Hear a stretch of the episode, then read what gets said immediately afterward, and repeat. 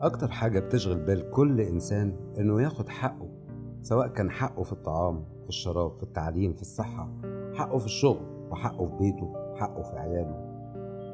بس قبل ما ياخد حقه لازم يعرف إيه هو حقه وإيه اللي مش من حقه. أهلا وسهلا بكم مستمعينا الأعزاء في كل مكان مستمع إذاعة راديو نيكست معكم أحمد الجيار وبرنامج من حقي. هنتكلم في حلقة النهاردة عن أكتر المشاكل اللي معظم الناس بتعاني منها وهي مشكلة حقيقية مؤثرة للغاية مش بس لأطرافها بل المجتمع كله.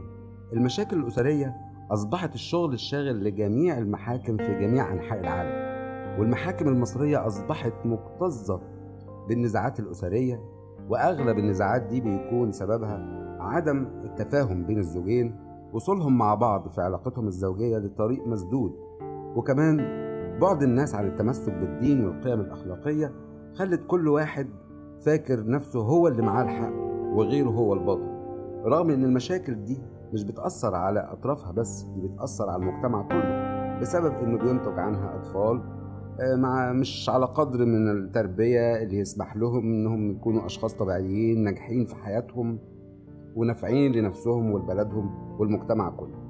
اذا الدعاوى في محكمة الأسرة فيها أطراف كتير مش بس الزوج والزوجة الأولاد كمان هم أكتر طرف بيدفع الثمن لحاجة هو ملوش يد فيها وما كانش ليه الاختيار في إنه يختار أبوه وأمه إلا إنه خرج للحياة عشان يلاقي نفسه في نزاعات وصراعات.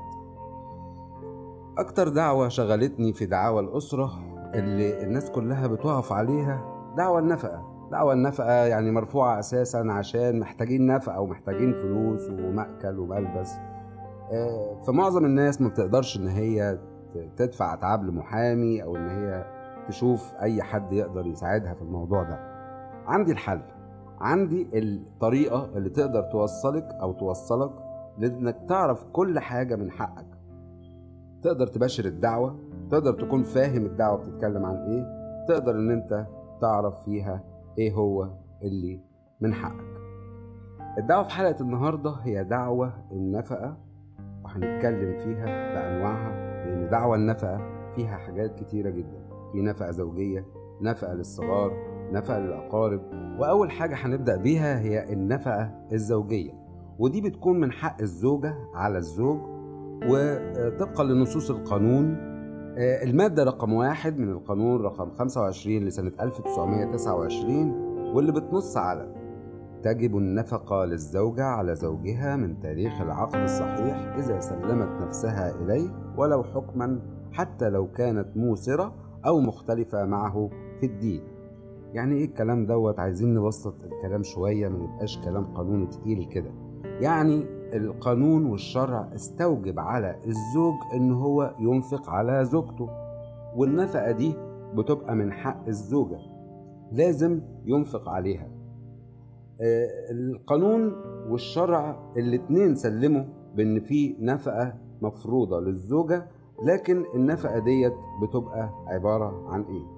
النفقة دي تشمل الغذاء والكسوة والسكن مصاريف العلاج وغيرها مما يقضي به الشرع دعوى النفقة الزوجية هي دعوة تقدر تباشرها الزوجة بنفسها. لكن قبل ما تباشرها بنفسها لازم تعرف إيه هي المحكمة المختصة بنظر دعوى النفقة الزوجية.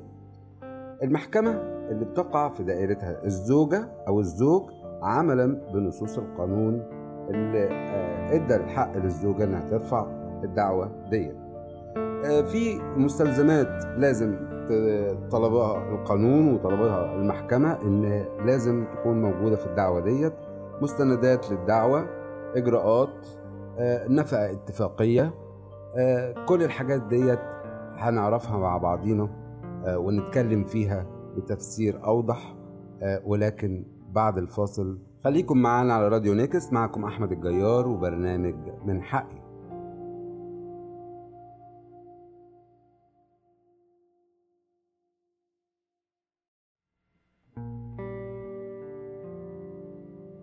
ورجعت تاني معاكم بعد الفاصل جميع مستمعي راديو نيكست مع أحمد الجيار وبرنامج من حقي.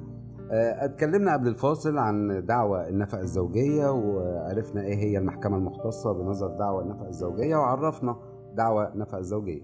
هنتكلم دلوقتي مع بعض عن مستندات الدعوة المطلوبة. آه، نكتب مع بعض كده يا جماعة لو حابين إن أنتوا تعرفوا.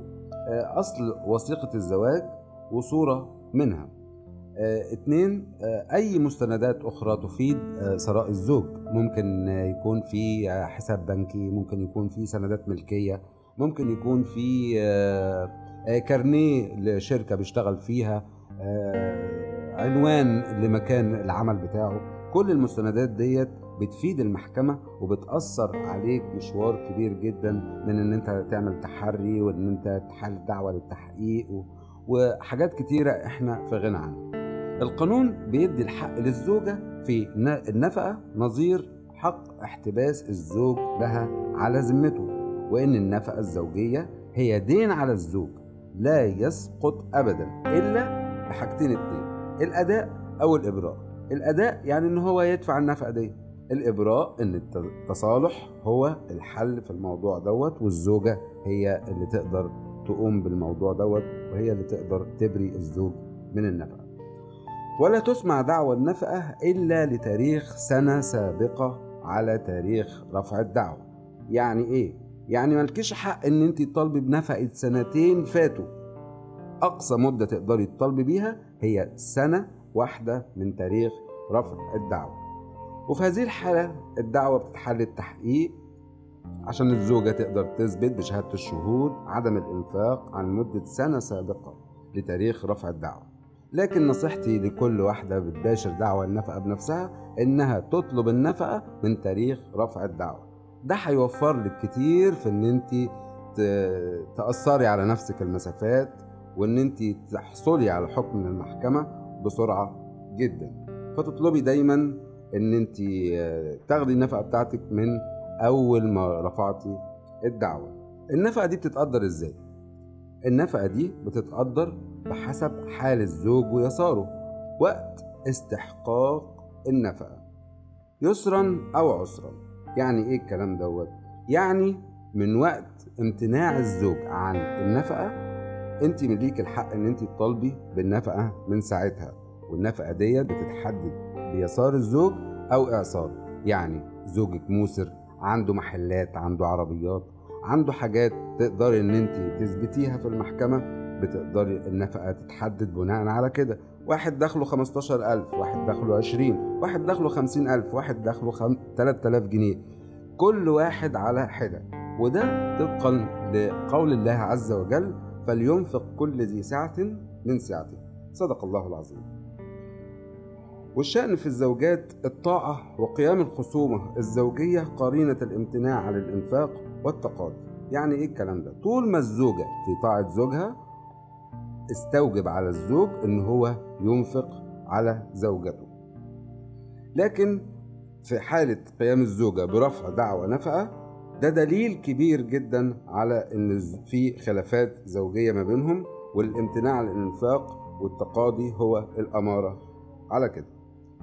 نوع تاني من النفقة اسمه النفقة الاتفاقية. النفقة الاتفاقية دي ممكن جدا للزوج والزوجة إن هم يأثروا على نفسهم الم- المسافات وده اللي بفضله دايما إن الزوج والزوجة يبقوا هم في غنى عن الصراعات ديت عشان خاطر أولادهم ما, ما يبقاش فيه في نفسيتهم أي حاجة لأن حاجة بتحزن فعلا لما بنروح محكمة الأسرة وبنشوف الناس قد إيه مكتظة والرول يعني عدد ال- القضايا المنظورة قدام المحكمة كبير جدا. فدي حاجة بتخلي نفسية الطفل بت بتتدمر طبعا.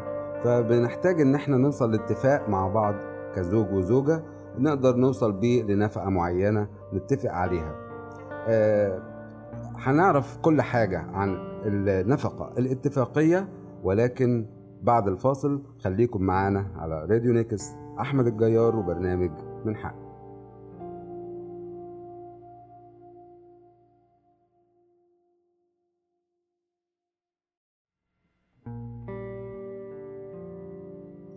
ورجعنا تاني بعد الفاصل. أعزائي مستمعي راديو نيكست في كل مكان معاكم أحمد الجيار وبرنامج من حقي.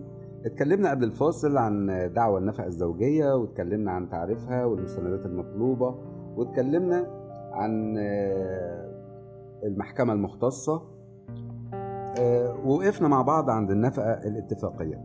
النفقة الاتفاقية القانون بيدي الحق للزوجين إنهم يتراضوا فيما بينهم على مقدار معين من النفقة والنفقة تفرض اتفاقيا أو قضاء لأن القاعدة الفقهية بتقول المفروض اتفاقا كالمفروض قضاء. يعني إيه الكلام دوت؟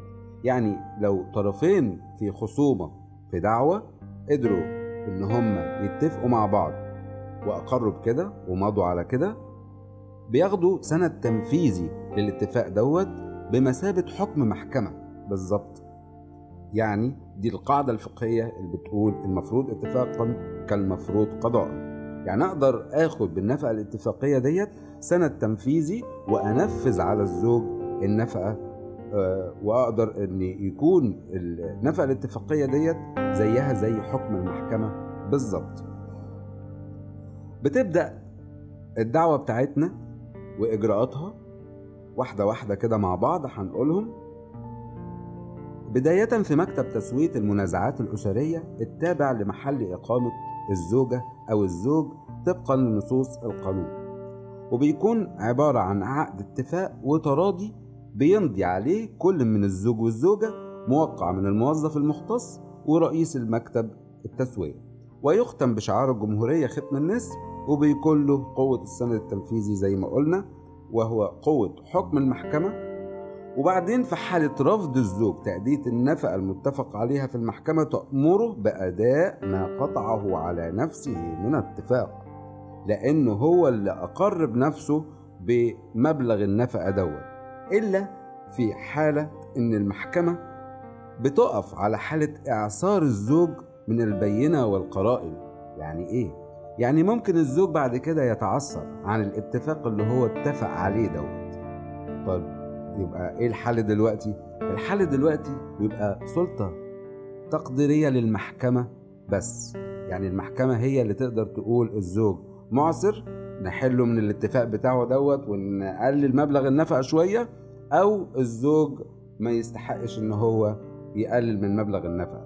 طبعا لازم الزوج يقدم قرائن ودلائل كتيرة جدا عشان تقدر تقنع المحكمة بالموضوع ده لأن الموضوع ده صعب جدا قدام المحاكم المحكمة دايما بتتعاطف مع الزوجة وخصوصا في دعاوي النفقة لازم المحكمة تطمئن لصحة ما يقدمه الزوج من مستندات في حالة الإعصار.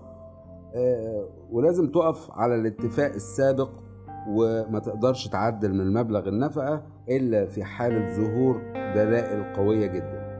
السؤال هنا إزاي نقدر نثبت دخل الزوج؟ بيبقى عن طريق إيه؟ بيبقى إزاي؟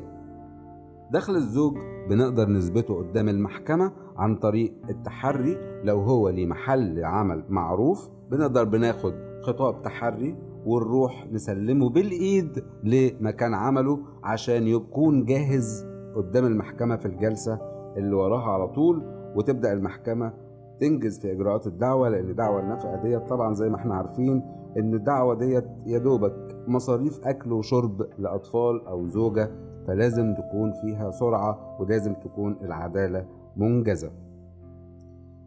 طيب مش قادر أثبت عمل الزوج ومش قادر إن أنا أعرف له مكان يعني كمان في حالات كده خاصة بنصطدم بيها في المحاكم ما بنقدرش إن إحنا آه، نحدد آه، حال الزوج إيه ونقدر نقف على يساره أو ايساره آه، بيبقى هنا عندنا الاختيار الثاني إن إحنا بناخد خطاب تحري لمباحث الاسم اللي تابع للزوج.